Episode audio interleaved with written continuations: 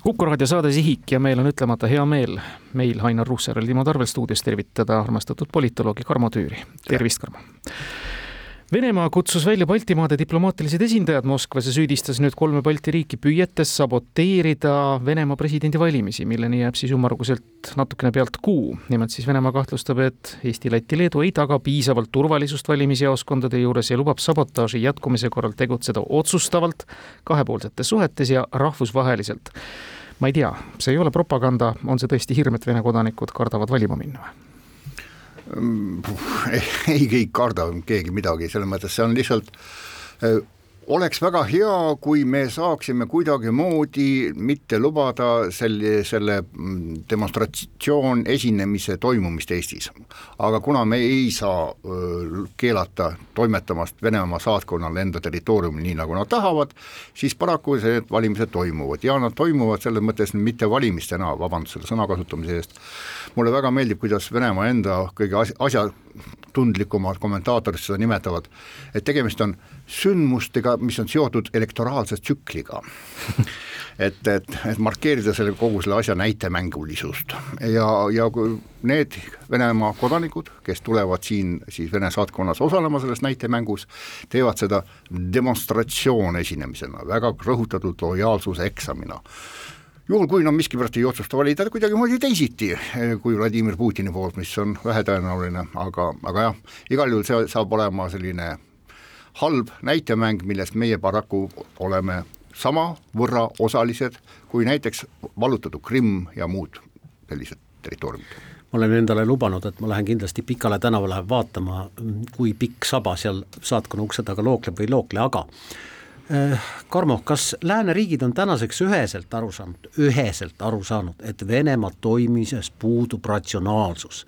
Ja seda riiki valitsetakse hoopis teiste põhimõtete järgi, noh näiteks hirmuga, nagu näitab ka menuka kirjaniku Boriss Akunini vahistamismäärus. Ma ei oleks nõus alla kirjutamaks sellele väitele, et see on väljaspool ratsionaalsuse piiri, seda ratsionaalsus on väga mitu eri nägu ja kui nüüd eesmärgiks on hoida võimu ühe mehe käes, siis on see kõik ju väga ratsionaalne tegevus tegelikult.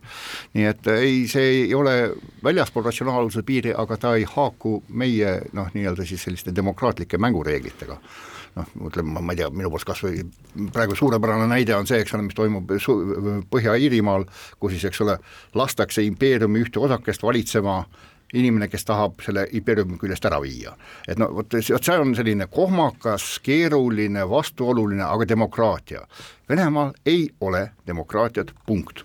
ja senikaua, kuni seda asja korraldatakse läbi selliste kontrollitud näitemängude, see paraku ainult see demokraatia puudumise efekt ainult süveneb huvitaval kombel on kandidaate loomulikult rohkemgi kui üks, enamik neist on määratud selles trallis mängima kõrvalosatäitjaid, väga tublisid, aga ma ikka mõtlen selle peale, toosama kodanik Boriss Nadeždin, kelle järgi on joondutud, kelle järgi on mindud, mul hakkab vägisi jääma mulje, et ta on väga osavalt ja väga hästi Kremli ette sokutatud seesugune kandidaat, kelle puhul võiks ju näidata, et mis te nüüd räägite, meil on ka siin eri, vaadake, kui pikad sabad ja kõik nii edasi, Nadeždin mängib ka seda mängu jube ilusti kaasa.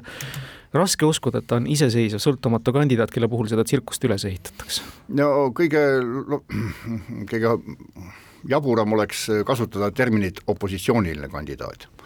Eh, aga ta on siiski alternatiivkandidaat ja selles mõttes ta sellise alternatiivina on mänginud väga uskumatult edukat mängu, andes võimaluse tõepoolest nüüd juba sadadele tuhandetele, kui mitte rohkematele venemaalastele juba ette äh, avaldada meelsust sellega, et näete, me anname oma toetusallkirja ja ma kujutan ette, et ta tõmmati sellisesse mängu sisse Kremli poli-, poliittehnoloogide poolt just nimelt selle eesmärgiga, et näidata, et meil on siin ka, näete, teistsugused inimesed, aga asi on läinud natukese lappama.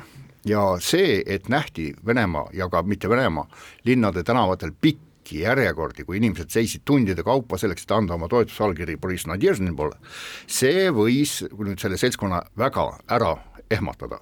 et kui oleks tema toetusprotsent mingi üks-kaks protsenti, no las ta hunt olla, ei muuda mängu, aga tal on praegu vähemalt juba kümme protsenti ja see näitab tõusutrendi. et praegu, juhul kui hirmsasti tahta uskuda sellist alternatiivset äh, seletuskäiku, võiks juhtuda see täiesti vabalt, et asi jõuab teise tuurini. teise tuurini presidendivalimistel ja mulle kohutavalt meeldiks uskuda tähendab, ma, ma ei usu seda, aga ma tahaks uskuda seda, et sel moel Venemaa tuuakse välja sellest sügavast mülkast, kuhu ta on ennast mänginud. et näete, meil on teine mees, täiesti demokraatlikult valimiste kaudu tuleb praegu mängu, lõpetab ära sõja Ukrainas, punkt üks, eks ole, on, on sellest jamast vaba toob välja meid rahvusvaheliste sanktsioonide alt ja üleüldse Venemaa on üks tore ja ilus demokraatlik maa, et näete, noh, meil, toimuvadki valimiste kaudu asjad.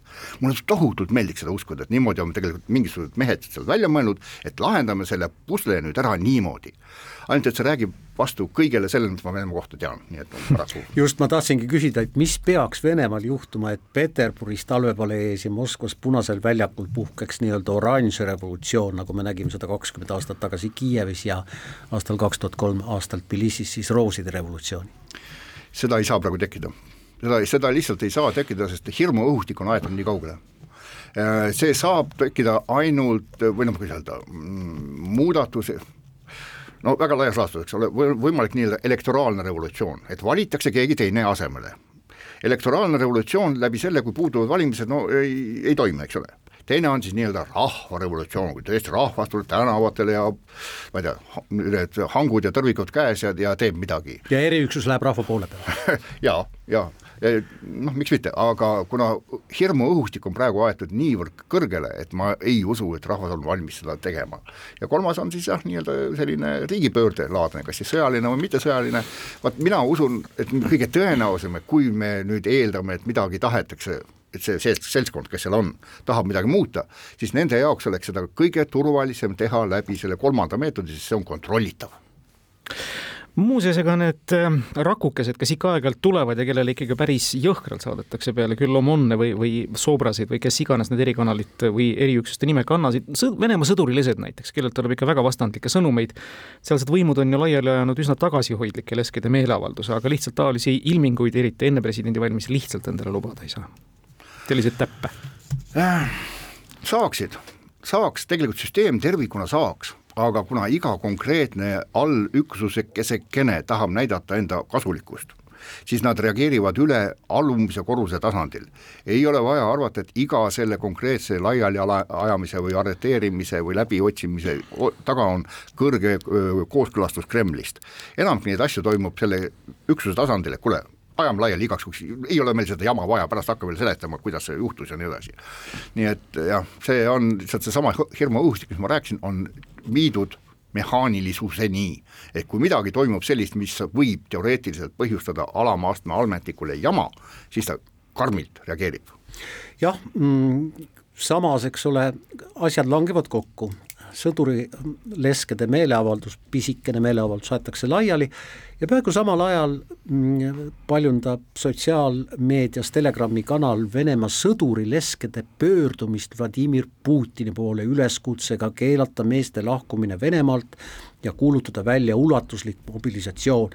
tsiteerin seda pöördumist, me oleme need, kes ei ole oma mehi oma seelikute taha peitnud ja nii edasi ja nii edasi.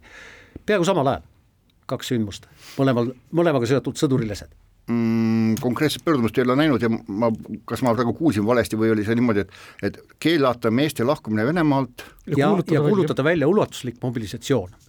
Aa, ma mõtlesin, et, et keelata meeste saatmine sõtta ja kuulutada välja mobilisatsioon. See oleks olnud aa, nojah, selles mõttes, et see on ju õige sõnum süsteemi seisukohalt. kõik on, kõik on õige, sest nad räägivad seda asja, mida on vaja et tuleks altpoolt see nõudmine äh, ja, ja hea juht ja õpetaja saab ainult vastu tulla rahva soovidele kuulutada välja mobilisatsioon ma just mõtlen, et kas ei ole asjaga seotud see teine igipõline, vaata et suurem sotsiaalne probleem, milleks on vene mehe joomine.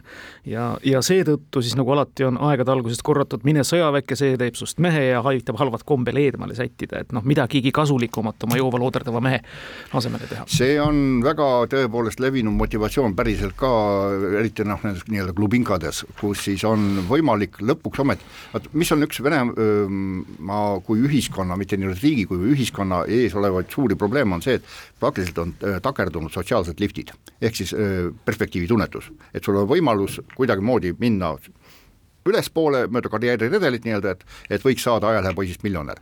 see asi on praktiliselt seiskunud. Ja nüüd on see võimalus loodud läbi sellesama sõja ja seda, sellest haaratakse tõepoolest rõõmuga kinni, et saaks selle, selle kodaniku siit kodust ära jalgu, las läheb, tee midagi asja ja järsku saame me selle eest miljoni no, või teise. Mm. -hmm. Levada uuringud, mida ikka huviga ju jälgime, Venemaa sõltumatu keskus, mida tasub kindlasti usaldada, jaanuaris küsisid nad Venemaa elanike huvi kohta Ukraina sõja vastu, viiskümmend neli protsenti kinnitas, et jälgib sealseid sündmusi tähelepanelikult, kolmkümmend viis vastas, et ei pööra sõjale Ukrainas üldse erilist tähelepanu, üksteist ütles, et ei jälgi üleüldse.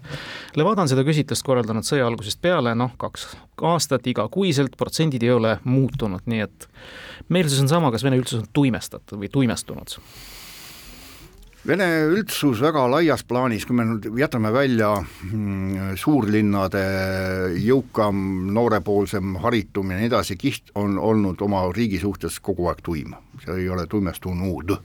et riik on seal, teeb oma asja, see mees kuskil Voronežis istub maja pingi ees pingil ja, ja taob tamkat naabritega, et see ei ole muutunud kuidagimoodi. riik ja kodanik seal riigis on noh, üüratult palju kordades kaugemal teineteisest, kui on ka meil, see on igas riigis probleem, aga seal on see veelgi suurem probleem. Samas jah, mina jälgin ikkagi nii palju, kui jõuan Venemaa uudisteagentuure ja Riia Novosti on viimasel ajal muutunud äh, peaaegu nagu naljauudiste agentuuriks, noh täna näiteks oli Riia Novostis uudis, et Poola, Slovakkia, Ungari ja Rumeenia on kokku leppinud kuidas Ukraina territoorium omavahel ära jagada. kellele selliseid sõnumeid saadetakse? Ukrainale, eelkõige Ukrainale, aga ka öö, mm, oma publikule võib-olla isegi tegelikult vastupidi, et eelkõige oma publikule selleks, et näidata, et teised riigid on täpselt samasugused et näete, meie võtame ära tüki Ukrainat mm, -hmm. ega siis teised, me ei ole erilised, teised tahavad täpselt sama teha, nad lihtsalt poevad mingisuguse maski taha, tegelikult on kõik ühesugused, kõik valetavad, kõik on lurjused. et ma arvan, et see on jah, eelkõige tegelikult siiski oma publikule suunatud. suur tänu täna meie stuudiot veisamast, politoloog Tarmo Tüür, edu, jõudu sulle! aga palun